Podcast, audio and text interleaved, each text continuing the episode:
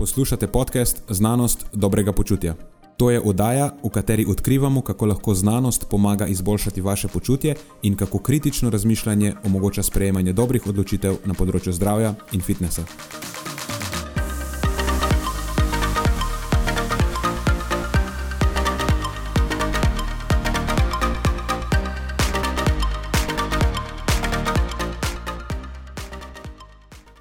Preden začnemo, pa se moram zahvaliti še našim sponzorjem. Zaenkrat to še vedno ni velika korporacija, temveč zvesti poslušalci, ki nam izkazujete zaupanje in podporo s prijavo v našo člansko skupino Znanost dobrega počutja. Hvala vsem, ki s tem držite luči prižgane in omogočate podkastu, da raste in postaja še bolj kakovosten. Hvala tudi vsem, ki nas podpirate s pozitivnimi komentarji in visokimi ocenami, ter s tem, da priporočate podcast svojim znancem in prijateljem. Zdaj pa je končno čas za začetek epizode. Uživajte ob poslušanju.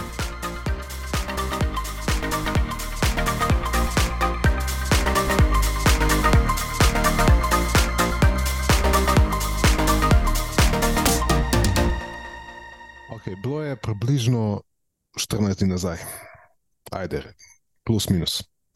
In imam jaz en, en coaching klic za eno, za eno svojih strank, um, s katero že nekaj časa sodelujeva, uspela smo urediti neke osnovne, uh, je reč postaviti neke temelje prehrane, razume zdaj, koliko česa potrebuje, raz, prvič v bistvu zares razume, kakšne so njene potrebe po hranilih, beljakovinah, hidratih, maščobah, po energiji in sva delala na tem, kako to pa tudi v praksi, ne, kakšne rešitve lahko najde. Uh, v svojem res, res, res natrpanem življenjskem slogu, ker pač ima neko tako službo, da je skozi all over the place. In ima pa pač cilj, rada bi se znebila nekaj odvečnih kilogramov, predvsem na račun maščobe okoli sej nekako vešne za ženske najbolj problematičnih delih. Trebuh, zadnica, bok. Klasična želja. Tako. Ne? Se pravi, tukaj ne govorimo o nekomu, ki bi bil debel, v bistvu po nobeni stopni, ampak enostavno po tistem 40 letu, ne, ko se ti pa začne vse posodmalnike nabirati, pa imaš tistih 5 kg cviška, pa te potem začne malo motiti in tukaj bi se radi nekako približali mal uh, njenim ciljem. Ni ne nujno, da pridobiš, ampak prerasporedi se ti maščoba. Te začne pač motiti. Začne te pač motiti. Ja. To je že v štartu zelo zanimiva debata. Mar si kdo bi mogoče rekel, da bi jo mogel podučiti, da ne rabi skušati. Uh mhm. -huh. Ampak to je njena želja mi pa se lahko pogovarjamo o realnosti ciljev, o tem, kako so realni, do kam lahko pridemo. Vse to se sem jim pogovarjal, ampak to, kar zdaj praviš, se mi zdi pomembno. Še vedno je to posameznikova želja in v njeno avtonomijo, glih ne morem. A veš, jo ni prav, da si to želiš. Mislim, a veš, jaz si želim, ne vem, XY, zdaj pa, hej, to ni ful, ni prav, da si to želiš. Pač ni, a veš, jaz si ja. pač to želim, ne? Uh, doskrat si vzamemo to pravico, pa doskrat si trenerji, pa kakšni svetovalci, ker vzamejo to pravico, da mislijo, da, da, da oni vedo, kaj bi njihove stranke morale uh, ali pa česar ne bi smele si želeti. Uh, kar je v bistvu najbolje za njih, pa ni nujno, da, da res vemo. In parkrat sem se v preteklosti že krfesto pekel, ko sem um, sprejemal neka, um, kako se reče, ta assumption, veš pokroviteljski pristop. Bil sem pa pokroviteljski, če še veš, vidiš osebo, pa si kar misliš, tako ja, se vem, kaj ti rabiš. Tako, um, ne, mogoče pač me moti kaj drugega. Uh, no, glavno, mimo tega. In um, pač ta njen cilj lahko rečemo, da je nekako specifičen, mogoče nadpovprečen v tem smislu, da neki klasični pristopi, a ne prehrane, ne bojo več zdrave prehrane, smernice in tako. Neka osnovna stopnja kompliciranja tukaj morda ne bo dovolj. Ne? V smislu, bolj kot je napreden cilj, bolj napredni bojo morali biti najbrž tudi pristopi, uh, da se ga doseže. No, in tukaj sva. Uh, Ona vsakeč dobi nalogo, da si kakšne stvari spiše, da mi potem na sestanku poroča. No, in tokrat mi je pač povedala nekaj stvari, ki so pri meni tako v glavi, so mi, a veš, zazvonilo mi je parkrat je omenila, da ko ni vedela, recimo, kaj jo, kdaj jo čaka kosilo, ker je imela neke sestanke in, in restauracije in, in takšne reči, da potem je iz preventivnih razlogov, da ne bi bila lačna, se je raje pri zajtrku fulna jedla.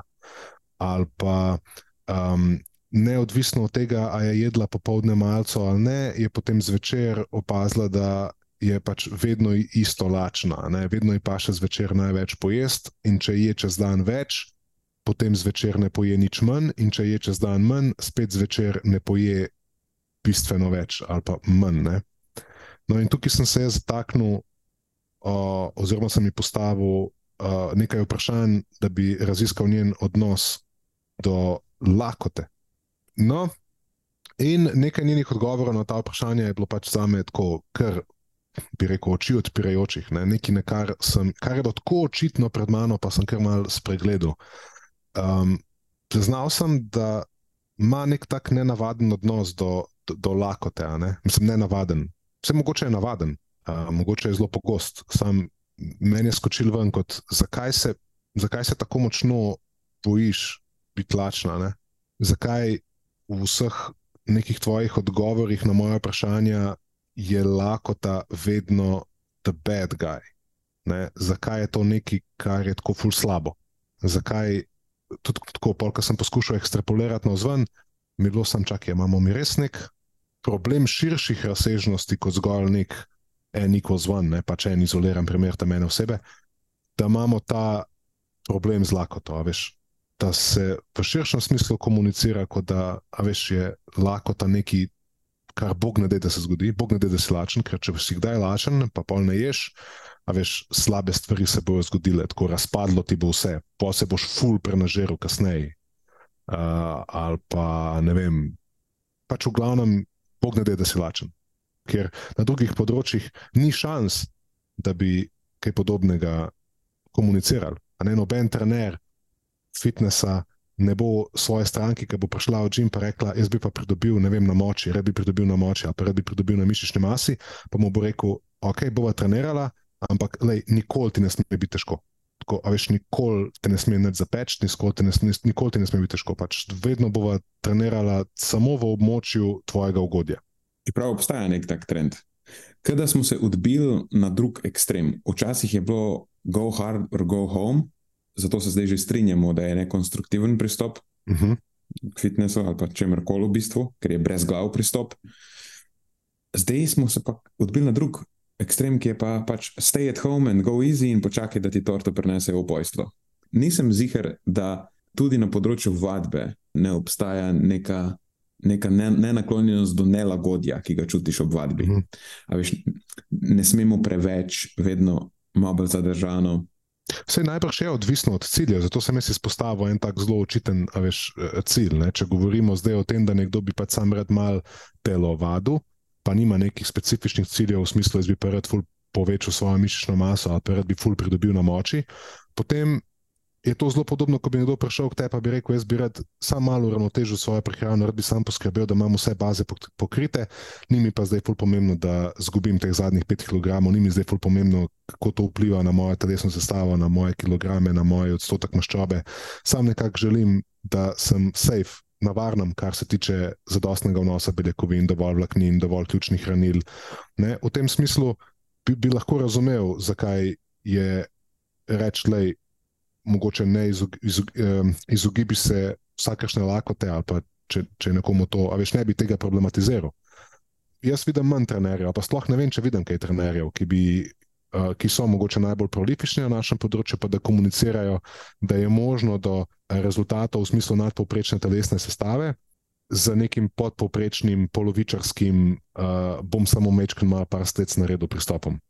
Dočim na področju prehrane, pa ne vem, če kdaj vidim, da je pa lakota morda vendarle pomemben sestavni del ali pa odnos do lakote, da je pomemben sestavni del nekega cilja izgube kilogramov oziroma izgube odvečne telesne maščobe v situacijah, ko ne govorimo o predebelih posameznikih in posameznicah, kjer ne govorimo o nekih že tako, da reč, bolezenskih primerih, ko se soočamo z debelostjo, pa je potem že neka prilagoditev prehrane, lahko doseže neko stopnjo sitosti in deficita istočasno.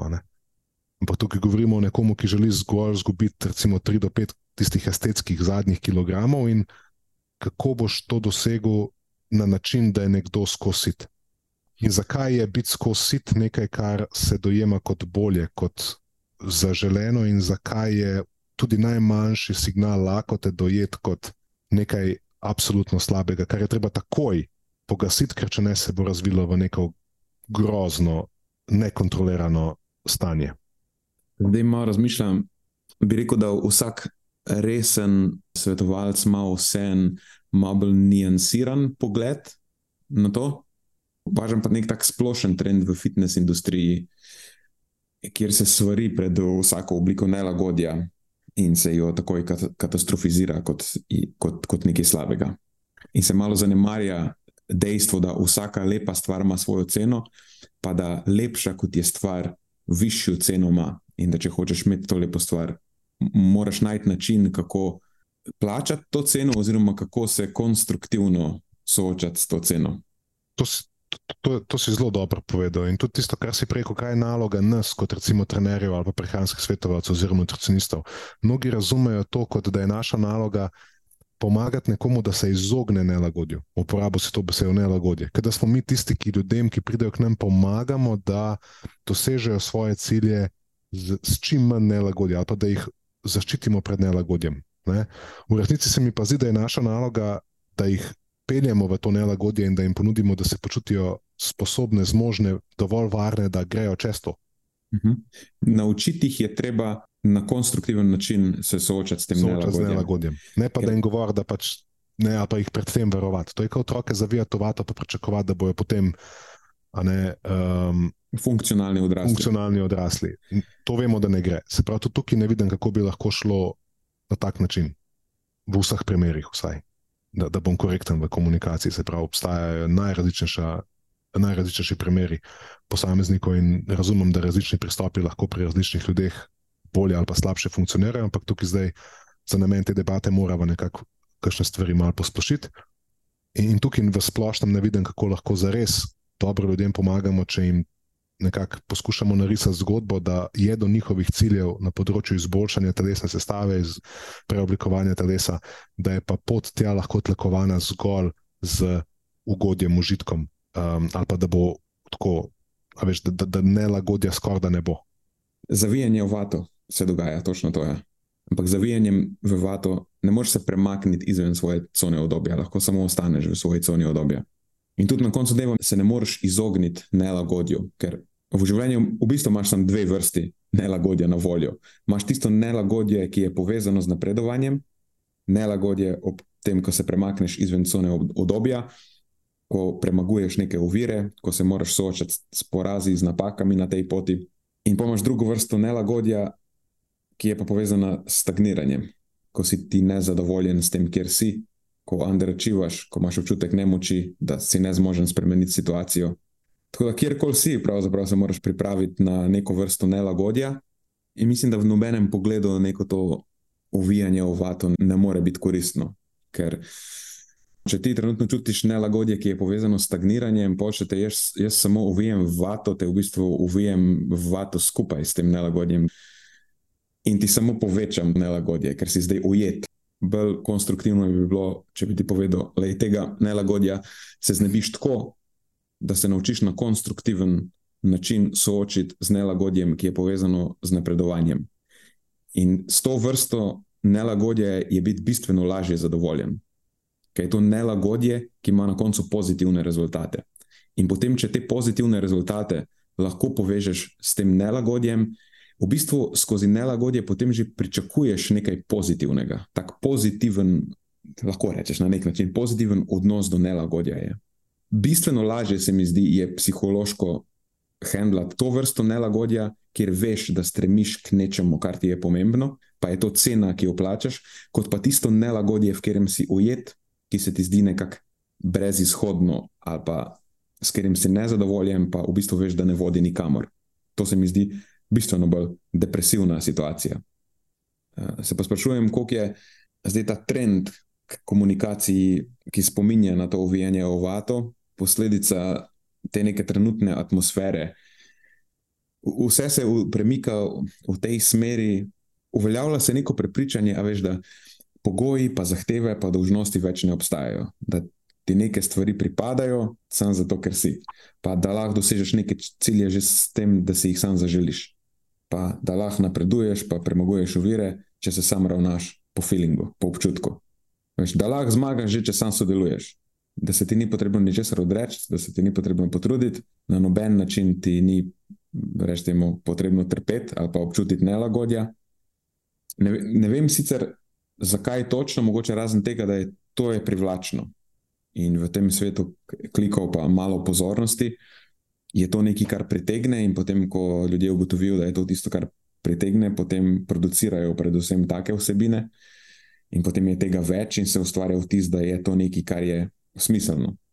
Tukaj vidim dva možna razloga, zakaj bi nekdo recimo to počel. Prvič, omenil si, a veš, to trenutno okolje, kjer je bolj klikabilno, bolj privlačno, po domače lažje je prodati.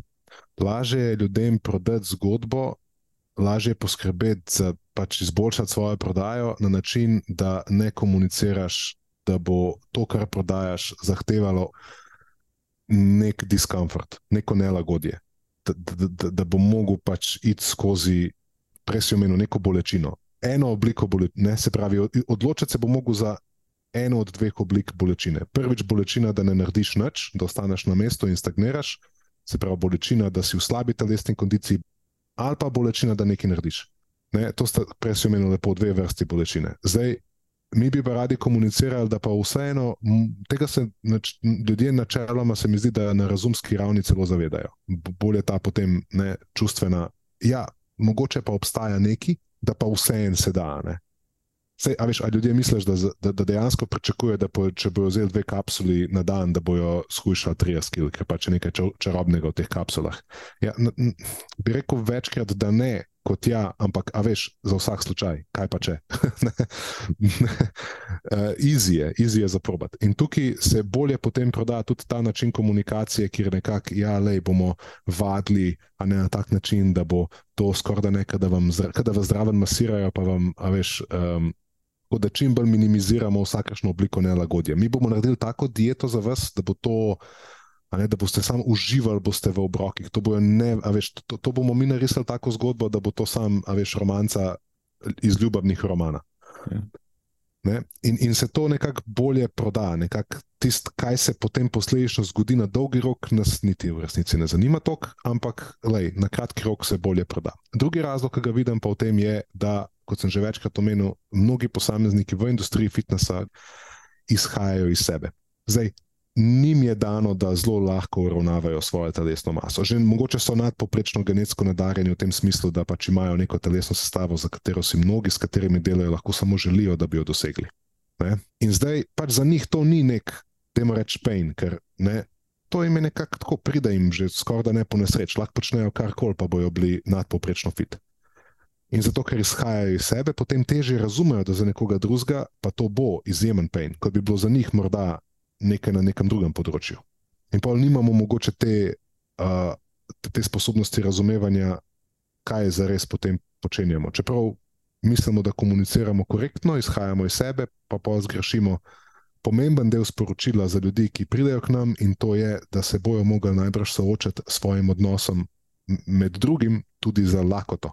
In če ti delaš z nekom, ki, mu, ki pravi, da želi skušati, in delaš z beljakovinami in hidrati in s kalorijami in, in, in številom obrokov in ne vem, z vsemi ostalimi mahinacijami možnimi, ampak ne govoriš o njegovem odnosu do lakote, potem bi lahko postavil več argumentov, zakaj grešiš pomemben del sestavljanke v njegovem, o njegovem uspehu ne, na dolgi rok. To, kar si omenil, so v bistvu luksuzna prepričanja. Kdo komunicira, da pa se ni treba meriti kalorij, ni treba meriti porcij, vse lahko delaš po feelingu, lahko se ravnaš po svojem apetitu, telesna masa ni pomembna, ne se s tem ukvarjati. Vse to so dosti tisti, ki jim ni treba. Tako, tisti, ki jim ni treba. In zakaj pravim, da so to luksuzna prepričanja? Čist po definiciji, luksuzna prepričanja niso moj termin, to je nek koncept, ki si ga je izmislil ali pa uveljavil Rob Henderson moralni psiholog, pa kognitivni znanstvenik, se nima veze. Ampak njegova definicija je nekako tako, da luksuzna prepričanja so tiste ideje ali pa prepričanja, ki zvišujejo status osebe, ki jih razglaša, medtem ko škodijo neki drugi skupini. Gre se za to, da po eni strani signaliziraš nekaj, kar je, ali pa govoriš nekaj, kar je trenutno moderno, pa si s tem pridobivaš plus točke, po drugi strani pa si ti v stanju ali pa se ravnaš nasprotno, oziroma tako, v bistvu ti očitno verjameš, da je najbolj koristno, ali pa si ti že na tisti točki, ki je najboljša. Jaz lahko rečem, telesna masa ni pomembna, s tem se ti ni potrebno ukvarjati, ker jaz ti tako že imam normalno telesno maso. To je sicer lepo slišati, da se s tem ne rabiš ukvarjati, samo objektivno dejstvo je, da recimo povišena telesna masa je zelo pomemben dejavnik tveganja za vse sorte stvari. In zdaj, kul, cool, jaz, ko govorim, da telesna masa ni pomembna, si pridobivam bonus točke, vsi me imate radi. Meni to ne škodi, ker imam že normalno telesno maso, ampak vsi oni, ki pa to poslušajo, pa bi jim mogoče koristilo, da se malo premaknejo v smeri, da nekako to na konstruktiven način probajo normalizirati, pa trpijo negativne posledice ker jih bom mogoče odvrnil od tega. Enako lahko rečem, pa se lahko samo ravnaš po lakoti. Ja, pač meni, če se ravnam samo eh, po lakoti in apetitu, mi uspeva zmanjšati svoj energijski vnos, tako da vzdržujem zdravo telesno maso, ampak za vse to mogoče ni tako. In spet je lepo slišati, kar rečem, pa se lahko delaš stvari po feelingu, ampak če si spadaš v delež populacije, ki če se samo ravna po feelingu, ima prekomerno telesno maso, potem je to zate nekoristno. In zdaj si spet nabiram točke na tvoj račun. Z zato je to luksuzno prepričanje. In teh je prvo en tak, bi rekel, mali, ampak prav zajeten kup že na recimo, našem področju um, dela takšnih prepričanj. Um, tako pri prehrani, kot, kot pri vadbi.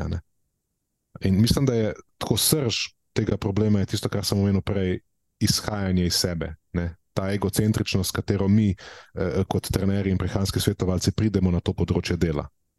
V osnovi rešujemo nek svoj problem, ukvarjamo se sami s sabo, in ko nam to uspe rešiti, potem, ok, zdaj smo pa pač našli nek blueprint, našli smo nek način, kako to nam funkcionira. In mogoče tistim parim ljudem okoli sebe, in zdaj lahko tukaj ven ekstrapoliramo tudi na vse ostale, ker če pa na meni deluje, potem pa bo pač zihar, ne more škoditi tudi nobenemu drugemu. Se pravi, je taka sicer zmota, ne, ampak je neka pogosta logika. Sej dostkrat, jaz sebi ne rabim sploh ničesar rešiti v tem primeru. Če sem jaz že nekdo, ki ima od otroštva praktično normalno telesno maso, od otroštva jaz s pomočjo tega, da sledim svoji lakoti in apetitu, menedžiram svojo telesno maso, tako da je normalna pa zdrava. Če sem že od, od otroštva vključen v neke športne aktivnosti, pa imam relativno zdrav odnos do športa, pa uspem mimo grede vzdrževati visoko stopnjo telesne dejavnosti.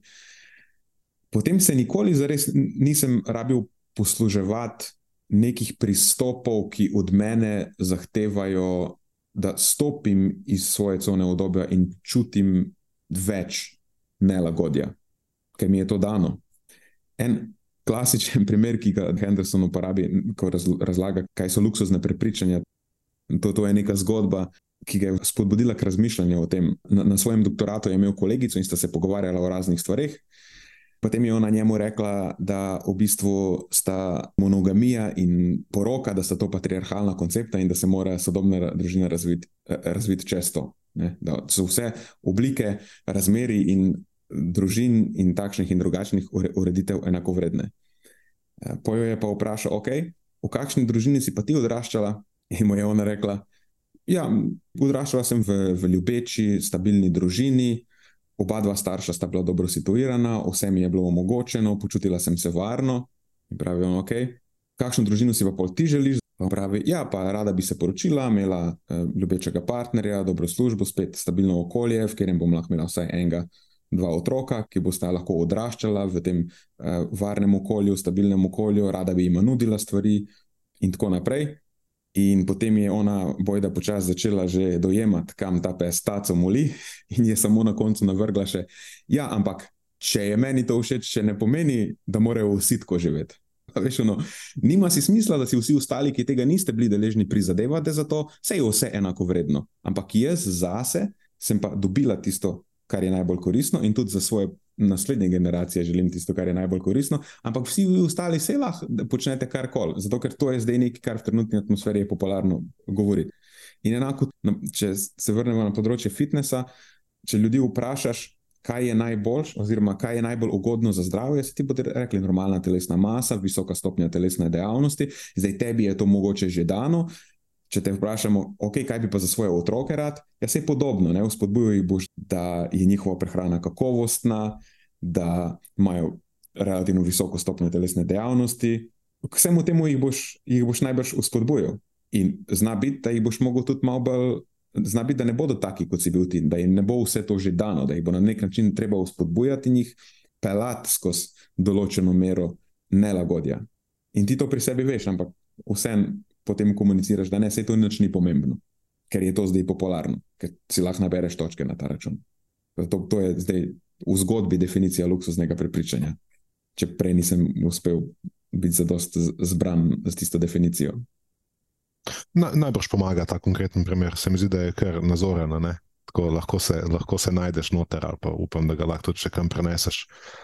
Um, Meni je, men je koristna ta razlaga, ki si mi prvič predstavil, uh, ali pa jo poimenoval, tako da v ime na njo in jo zapakiral kot nekaj, kar zdaj lahko, fu lažje, uh, tudi na drugih področjih, recimo tudi konkretno na političnem področju, uh, lažje prepoznaš. To je prednost tega, da se poučiš o takih rečeh ali pa o določenih zmotah v argumentiranju in, in nekih kognitivnih pristranskostih, da potem lažje prepoznavaš te pri sebi najprej pri drugih, in, in potem na podlagi tega lažje vrednotiš, kdo je bolj vreden, oziroma kdo je manj vreden tvoje pozornosti ali pa zaupanja. Koliko je dejansko iskren v svoji komunikaciji? Ker čim vidiš, da je komunikacija neusklajena s tem, v kakšnem stanju v resnici obstaja. Če ti nekdo, ki ima normalno telesno maso, ki je, tako rečemo, po nesreč zelo telesno dejaven, ki uživa v treningu, eh, uživa v tem, da ima relativno kakovostno prehrano, whatever, da se ukvarja s prehrano, kakorkoli. Po drugi strani ti pa reče, da nič od tega ni pomembno, Z zakaj potem to počneš, zakaj si prizadevaš za to, če res ni pomembno. S tem, kar si to prej omenil, da je spomnil me na še, na, na, na še eno anegdoto, lahko povem, oziroma prigodo. Um, večkrat sem omenil, da sem prebral ali pa spremljam delo Simona Sineka, ne? avtorja knjige Start with Why, pa množice drugih knjig. In uh, pred časom sem mal navdušil tudi moja punca Maja nad tem, da nekaj njegove vsebine spremlja. In je rekel, da je velik, da, da je pač pomagajo. In pa sem rekel, vidiš, kako je zanimivo, ker tudi on, nekdo, ki na svojem področju pač kaže, precejšno mero uh, kritičnega razmišljanja, pa na področju prehrane, tako on kot mnogi drugi, ne, tako zlahka mu spodleti, ker je tudi v svoje podcaste in v svojem delu večkrat povabil Marka Hajmana ne, in je delil nekatera njegova tako hudo zmotna prepričanja. To je eden izmed teh tipov, ki pač straši predvsem pred cukrom, povzroča raka, sladila so ono, najslabša stvar, takoj za cukrom. Uh, a veš, tako pač cel kup takih stališček.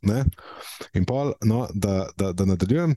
In pa je rekla, da je tako, čakaj, čakaj. Ampak, lej, vidiš, jaz če ne bi spoznala tebe, ne? če ne bi spoznala vas, pa ne nada, pa če ne bi pač bila deležna te informacije, ampak da bi recimo meni prehrani nekaj povedal nek ne vem, zdravnik ali da bi pač na nek drug vir naletela, vse kako bi pa jaz vedela. Sem tako, pač, da malo razumeš, da je težko, težko je pač vedeti, komu zaupati. Lahko bi pač bila deležna čist nekih drugih informacij, pa bi jim jih tako verjela. Pa je hotel nekako s tem povedati, da, da, da, da pač kako lahko pa težko je, ne? kako pa mogoče tudi on ne ve. Pa je pač zaupal enemu tam zdravniku, ki kao neki se razume v prehrano in evo. No in pa je bil moj odgovor, ja, no to je eden izmed ključnih razlogov, zakaj je pol smiselno trenirati oziroma investirati v pridobivanje teh veščin kritičnega razmišljanja, prepoznavanja nekih zmot v argumentaciji, um, da znaš lažje pol izbrskati, kjer vir je vreden in kjer ne uh, tvojega zaupanja. In pa je bil njen odgovor, ja, sem, to je pa ful težko. No, in s tem se sam navezujem na to, kar smo govorili prej, na dve vrsti bolečine. Zdaj, ja, to je ful težko.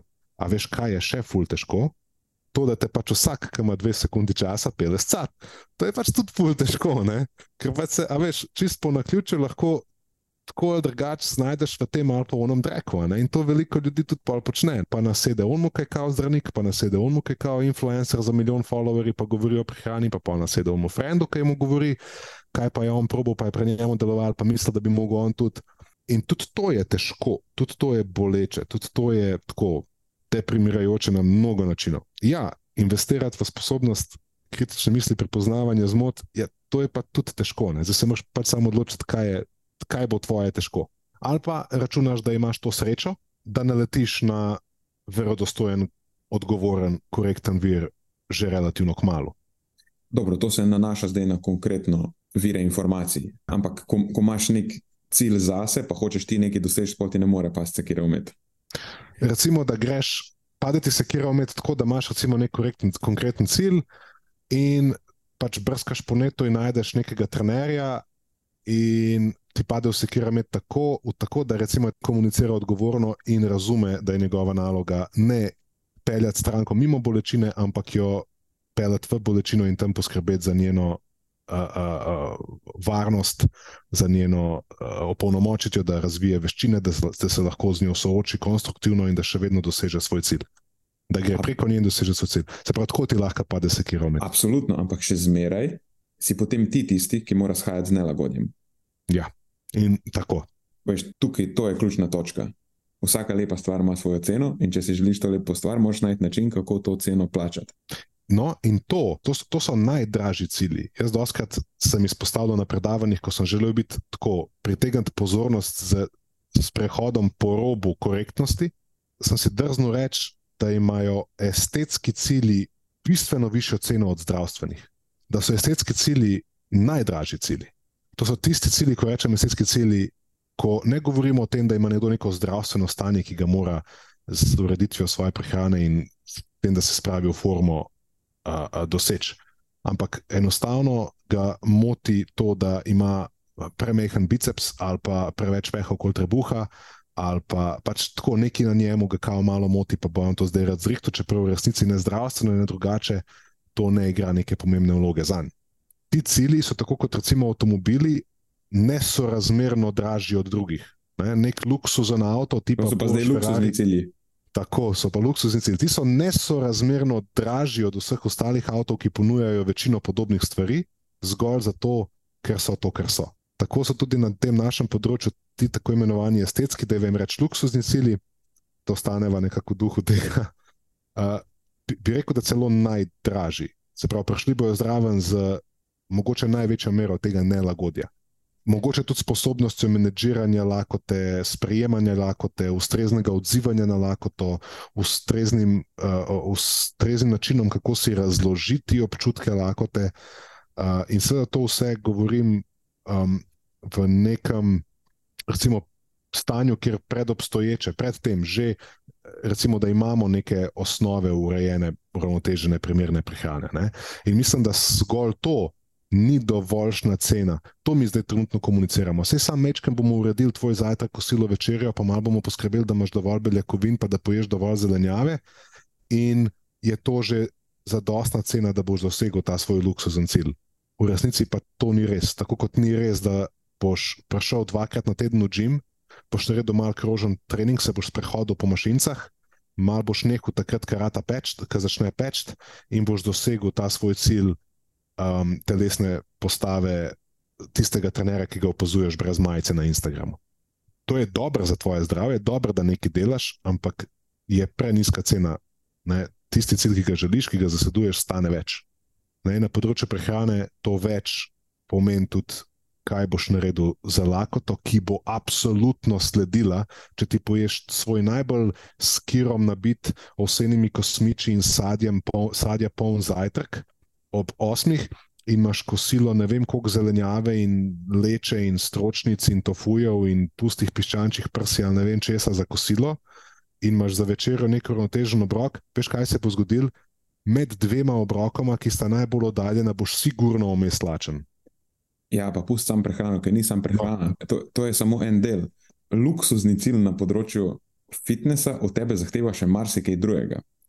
In če imaš tak luksuzen cilj, se je zelo pomembno vprašati, ali ti imaš sploh kapacitete, ali si v tem trenutku za dost trdoživ, da si za to sploh prizadevaš. Ali imaš te kapacitete, ker če jih nimaš, jih moraš najprej razviti. Moš začeti nekje na začetku. Moš imeti nek mal blažji cilj, pa doseči najprej tega in si demonstrirati, da si tega zmožen. In potem naslednja stopnička, nek mal višji cilj, si demonstrirati, da si tega zmožen, in tako naprej. Meni je v bistvu zelo všeč bilo, kar si povedal, zato ker postavi to, kar jaz govorim, v, v, v kontekst širše slike. Ne? Jaz sem štartil tako osko, osko usmerjeno, zato da bi lažje predstavil konkreten primer, ki je to pridel v igro.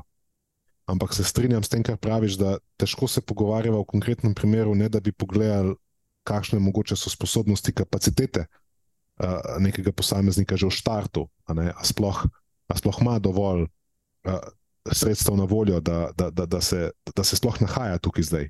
Uh, ne, če prenesem na prejšnji pr primer z avtomobili, pač, če ti zdaj hočeš kupiti novega Ferrarija, imaš v resnici pa imaš 30 ur v žepu za, za avto, za zapraviti, pač, kaj sploh počneš v tem salonu.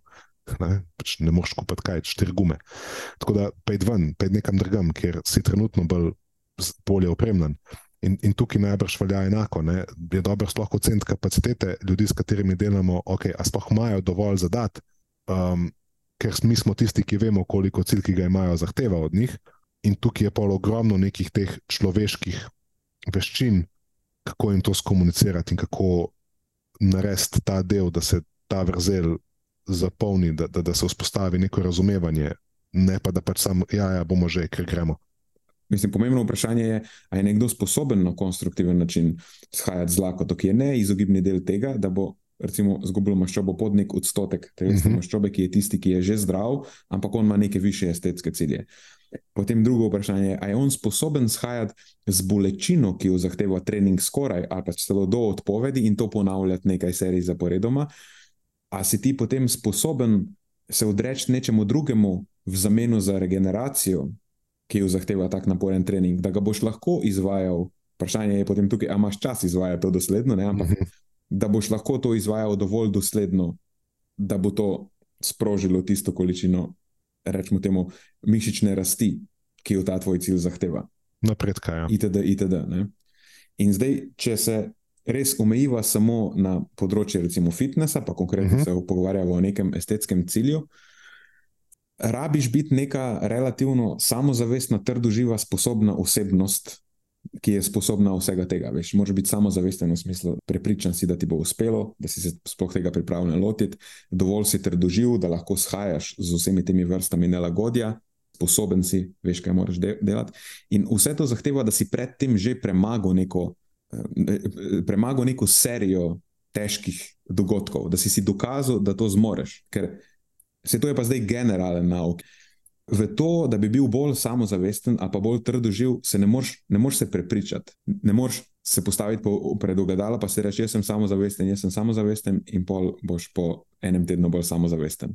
Ne moreš, ne tudi lahko, ne vem, bereš neke navdihujoče pesmice, eh, pa motivacijske poste ali whatever. Ne boš zaradi tega postal bolj samozavesten ali pa bolj trdoživ ne glede na to, koliko si tega želiš, ali pa koliko se prepričuješ v to, ne moreš biti sam zaradi tega bolj tak. Edini način je, da si to nedvomno dokažeš. S tem, da dejansko se izpostaviš nekemu zate relativno težkemu stresnemu dogodku, ga uspešno premagaš, evo kljubca, ena vrsta dokaza. In večkrat to počneš, težji kot so dogodki, si pač demonstriraš in s tem postaješ bolj na tem področju kompetenten, bolj samozavesten, trdoživ in tako naprej. In razvijaš neko mero tega resilienci, se temu reče. To je ta osebnostna lastnost trdoživosti, ne sposobnosti, da se pobereš po relativno stresnem dogodku in da ga lahko znova potem spet ponoviš.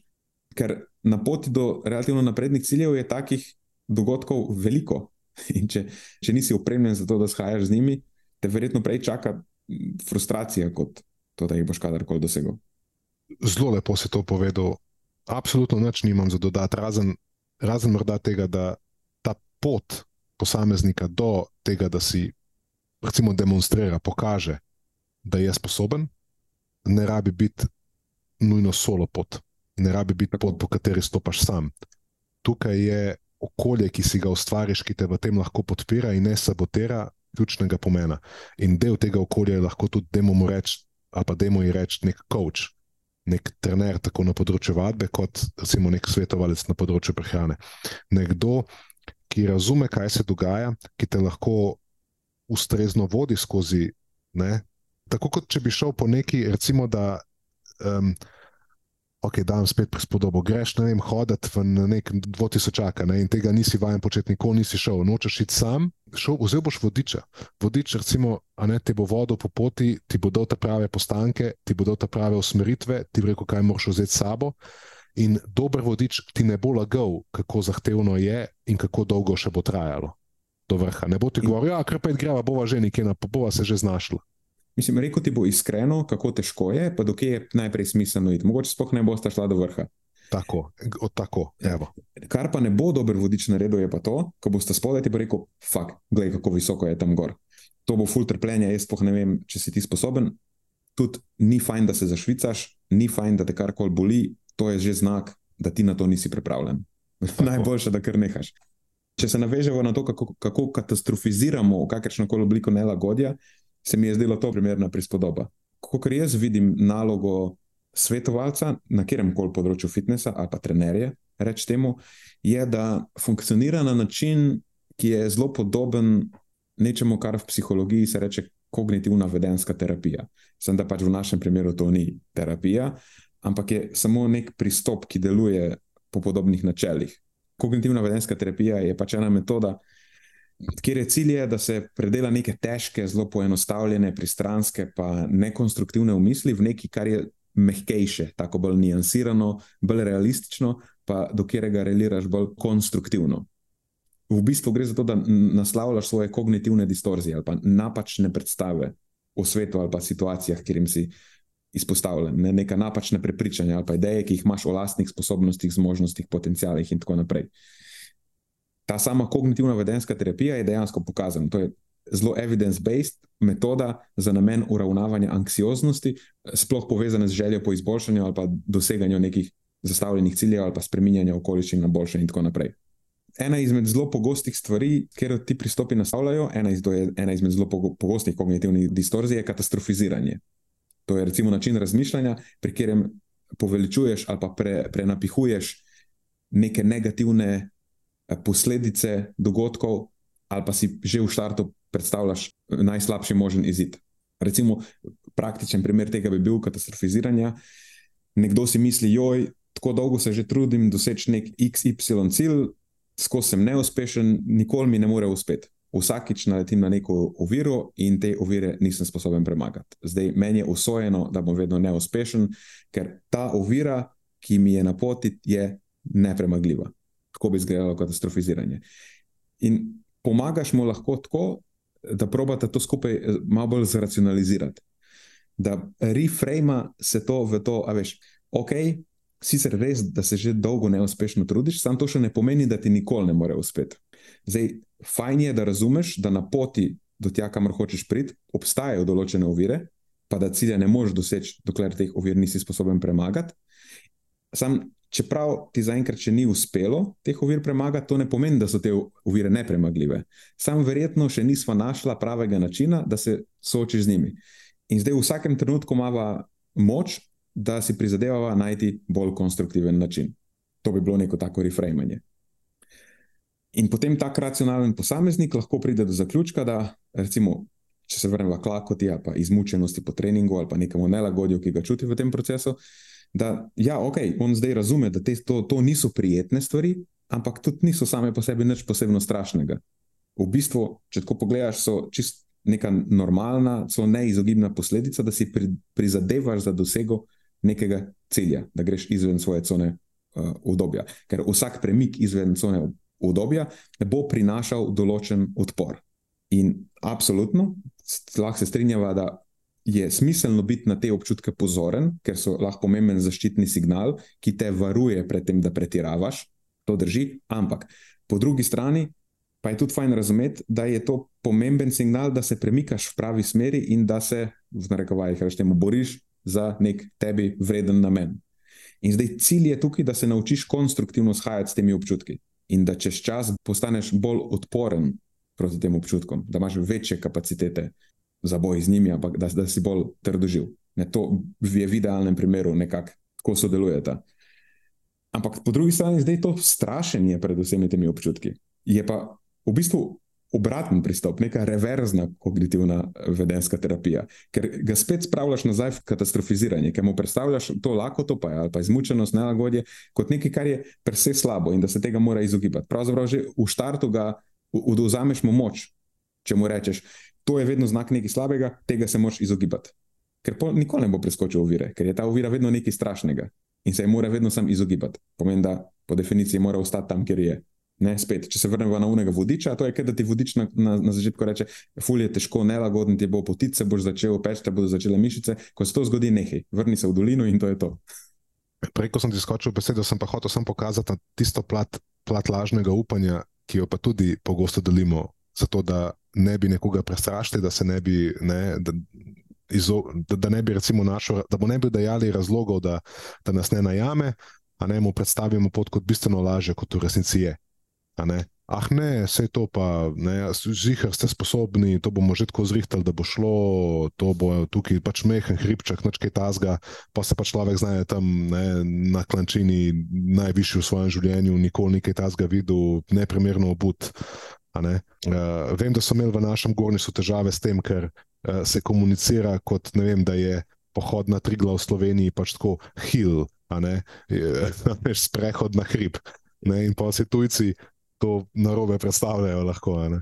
Ja, nek vodič ima lahko luksuzno prepričanje, pa se sam po feelingu piše. Vse sem, ja, pač sem bil že za mano strazne. Tako, tako da lahko jaz pač flag to ti. Tako da no, to, to, to je recimo nekaj, kjer vidim, da je reč pomemben izziv, ne, ker delamo z ljudmi, ki imajo takšne cilje, ki zahtevajo stopiti v nelagodje, mi pa jim potem predstavljamo neko zgodbo, posem, kot si v presi uporabil, neko distorzijo. Ne povsem mimo tega, kar je realnost, ki jih pričaka. In, in želim biti jasen, da to ne velja za cilje vseh. Mi delamo z ogromno ljudmi, ki pridejo na telovadbo ali pa pridejo po prehranski nasvet, ki njihovi cilji ne zahtevajo, nimajo tako visoke cene, pridejo zato, da se počutijo bolje, da ne nimajo nekih, da jim rečem, estetskih, luksuznih ne, ciljev, ki, zaradi katerih bi mi zdaj mogli tam njih terati še dve, red bi, da ta no pain, no gain, ki si izpostavil na začetku, um, da je pa vsem, ne, smo ugotovili, da mimo, uh, v, v, v, pa, praktično v vseh primerih, da to ni nekaj, če moramo zdaj pozivamo s tem. Um, gre pa za malo bolj odkrito in jasno komunikacijo in prepoznavanje, da pa nekateri cilji kljub temu zahtevajo. Ne, malo višjo ceno, in bo zahtevalo tudi od nas drugačno komunikacijo, morda o njih in o tem, kaj bo za njih potrebno storiti. In ko sem jaz, te, no, da se navežem na začetek, ko sem jaz tej uh, moje stranki takrat povedal um, o tem, je bila njena beseda v smislu, da ja, če pač poješ kosilo ob enih oziroma dveh in te potem čaka večerja ob osmih, ki priješ domov, vmes pošlačna in to je normalno, da si. Zdaj, če si ugotovila, da ti ali tukaj vmes snekaš ali ne snekaš, ko priješ večer domov, poješ v bistvu isto, sprašujem se, če mi je pol dodatna prednost tega, da ji dajemo vmes še dodaten vir energije, kalorij, za katere v resnici nima prostora, glede na svoj energijski budžet. A ne, dajem tukaj noter vnos kalorij, pa je potem rečem, da mora zvečer, ko je najbolj paše, jaz zmanjšati. Ne, se pravi, najti bomo mogla prostor v dnevu, kdaj, veš, kdaj želiš biti lačna, kdaj želiš biti malo lačna, kdaj ti je najmanj neudobno biti lačna. Največkrat dobim odgovor, takrat, ko se lahko zamotim s čim drugim, največkrat z delom. Ne? Ja, ok, potem lahko izkoristimo to območje, da nekak, nekoga navadimo, da, da, da to lahko to lažje nekako tolerira. Ne? Ampak potrebno jo bo ker v nasprotnem se lahko skozi sam vrtimo v krogu. On skozi je, mi se pokvarjamo na sestankih s tem, zakaj ne moremo ustvariti tega deficita. Ne? No, in njen odgovor je bil, ja, je to v bistvu čisto logično, sam ne vem, zakaj nisem nikoli na to pomislila. In meni je to tudi tako, ja, to je pa mogoče moj, a veš, lapsus v tem primeru, ker zakaj nisem jaz prej o tem s tabo spregovoril. Sej obstaja, obstaja nek strah pred lakoto, ki je skoraj nekako zapečen v to našo človeško torto. Veš, v nekem prejšnjem okolju, kjer so nastajali naši možgani, je bila lakota uh, zelo, zelo pomemben signal. Verjetno možgani vrednotijo lakoto kot še bolj akuten signal od recimo nekih, ne vem, tega, da ti je na VC. Ker na, na VC lahko greš kadarkoli, praktično. Nobene dodatne zahteve ni tukaj, tukaj. samo greš. Kaj pa v okolju, kjer ne veš, kdaj bo tvoj naslednji ja. obrok prišel? Tako, do, do čim, če si lačen, v bistvu moraš najti neko hrano in nekaj te mora motivirati, da jo poiščeš. Tako da jaz razumem, da nas je mogoče lakote še posebno strah, da, da je to nekaj, kar je. Ima evolucijske korenine. Ja, kar, kar na nek način mogoče ima e, evolucijske korenine. Samo zdaj ta nek osnoven strah je treba prilagoditi na trenutno okolje, ko hrane ni težko dobiti, ko imamo skoraj obraten problem. In če tako gledaš na stvar, se mi pa zdi sploh neko katastrofiziranje v zvezi z lakoto čist mimo. In bi rekel, da celo če nimaš nekih zelo visoko letečih estetskih ciljev, je lahko katastrofiziranje lakote precej nekoristno. In bi lahko celo prispevalo nekaj k prenajedanju. To, kar se meni zdaj, prilagajanje na okolje, se mi zdi res, res, res pomembno. Lej, še desetletja nazaj, redki so tisti, ki so hodili na fitness, se rekreirati. Stoletja nazaj to sploh ni bila stvar ljudje se pač niso rabili rekreirati, zato ker je bila potreba po fizičnem udejstvovanju v njihovem vsakodnevnem življenju zelo visoka.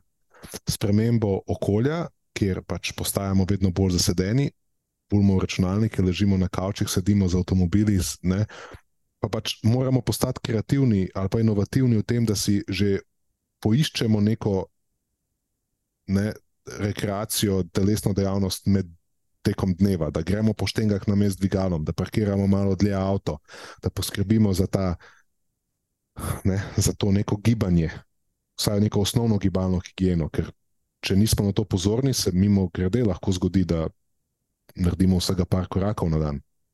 Se pravi, moramo se tudi v tem smislu se mogli prilagoditi na to, da okolje nam več ne ponuja dovolj gibanja, torej ga bomo mogli poiskati na način, da ga dodajamo vsak dan, pa še gremo na neko rekreacijo organiziranega tipa.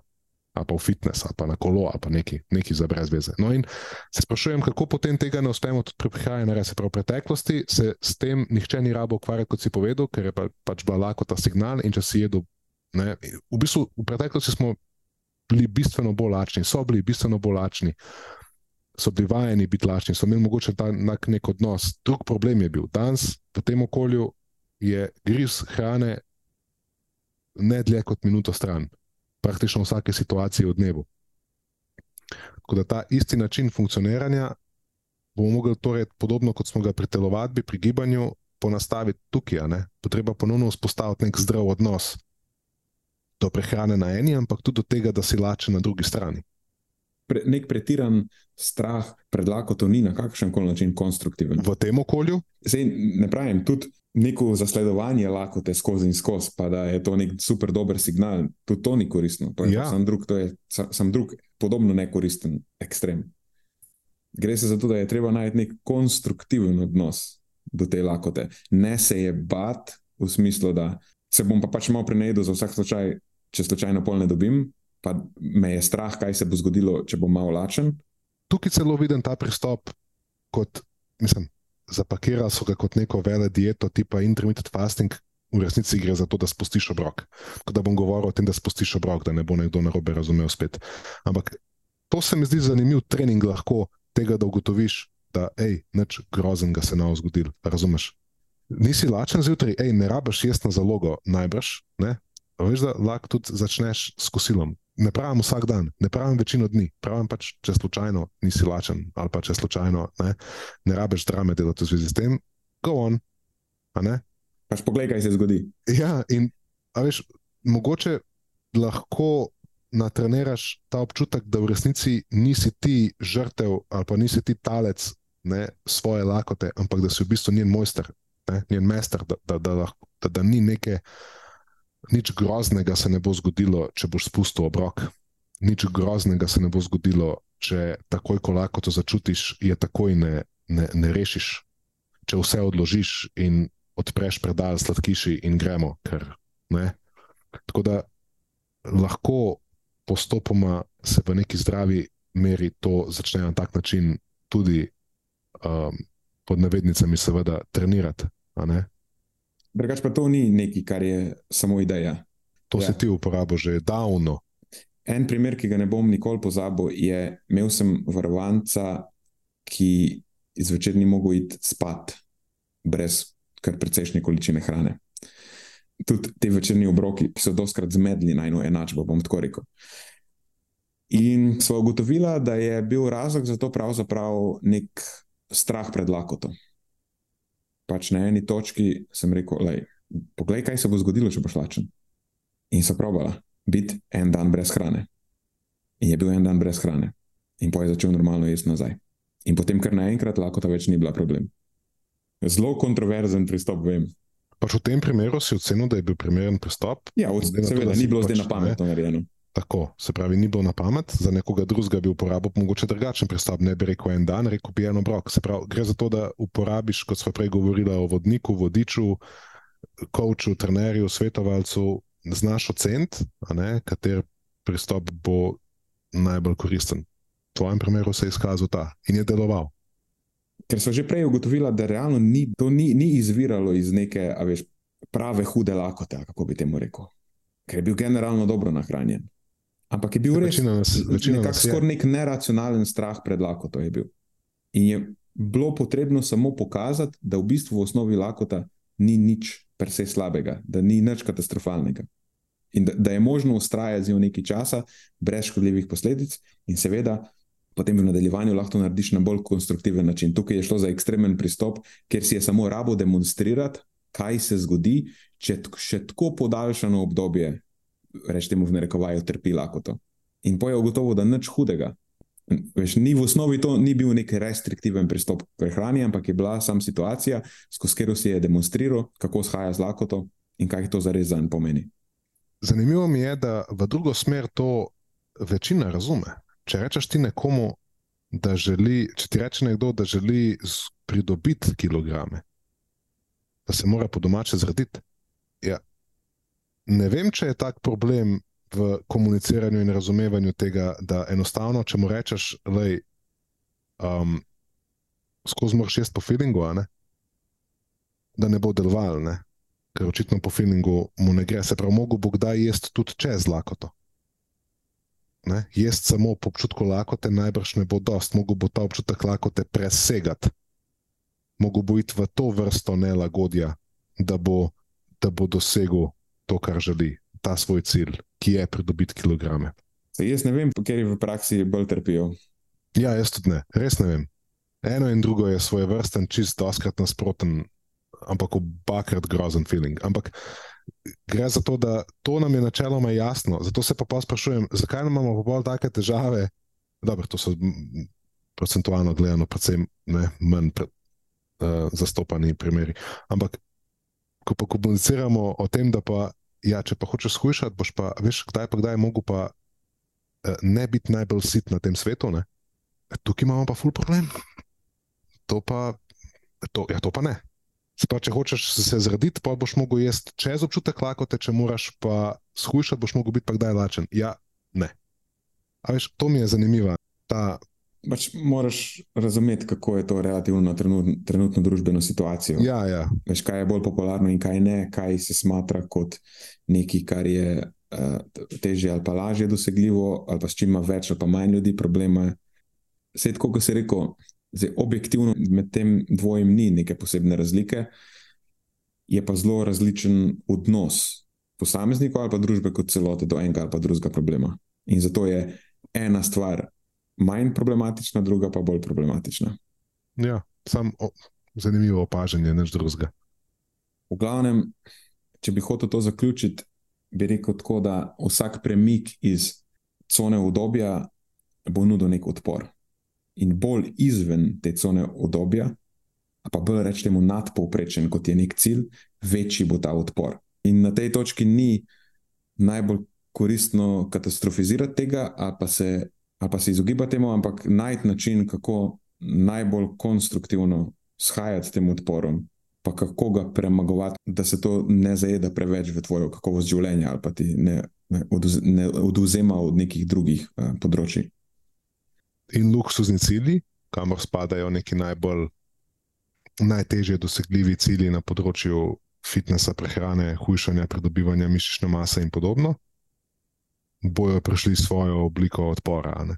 In bolj odgovorno kot delati se in komunicirati, da to ni, temu ni tako, je, ali pa da bomo lahko ljudi prepeljali čez ta most, čez brez vsakršnega spodrsljaja, ne? se mi zdi, da se, je, je, je komunikacija malo bolj iskrene narave, ker se ljudem predstavi, da pa, če govorimo konkretno o lakoti, da je to eh, pomemben in pomemben del te poti, ki se mu ne da izogniti, in da se lahko samo prepravlja na njo in pogovoriva o načinih, kako se s tem soočiti, kako temu pogledati v oči in kako to zmanjžirati, nadvladati. Je lepa beseda.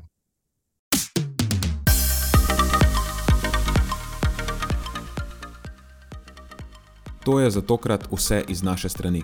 Hvala, ker ste poslušali do konca. Delite epizodo s svojimi znanci in prijatelji in jo priporočajte dalje, saj s tem omogočite, da sporočilo znanost dobrega počutja doseže čim večjo množico. Hvala vsem, ki nas podpirate s članarino in tudi vsem ostalim, ki delite podcast dalje in nam izkazujete naklonjenost z visokimi ocenami in pozitivnimi komentarji.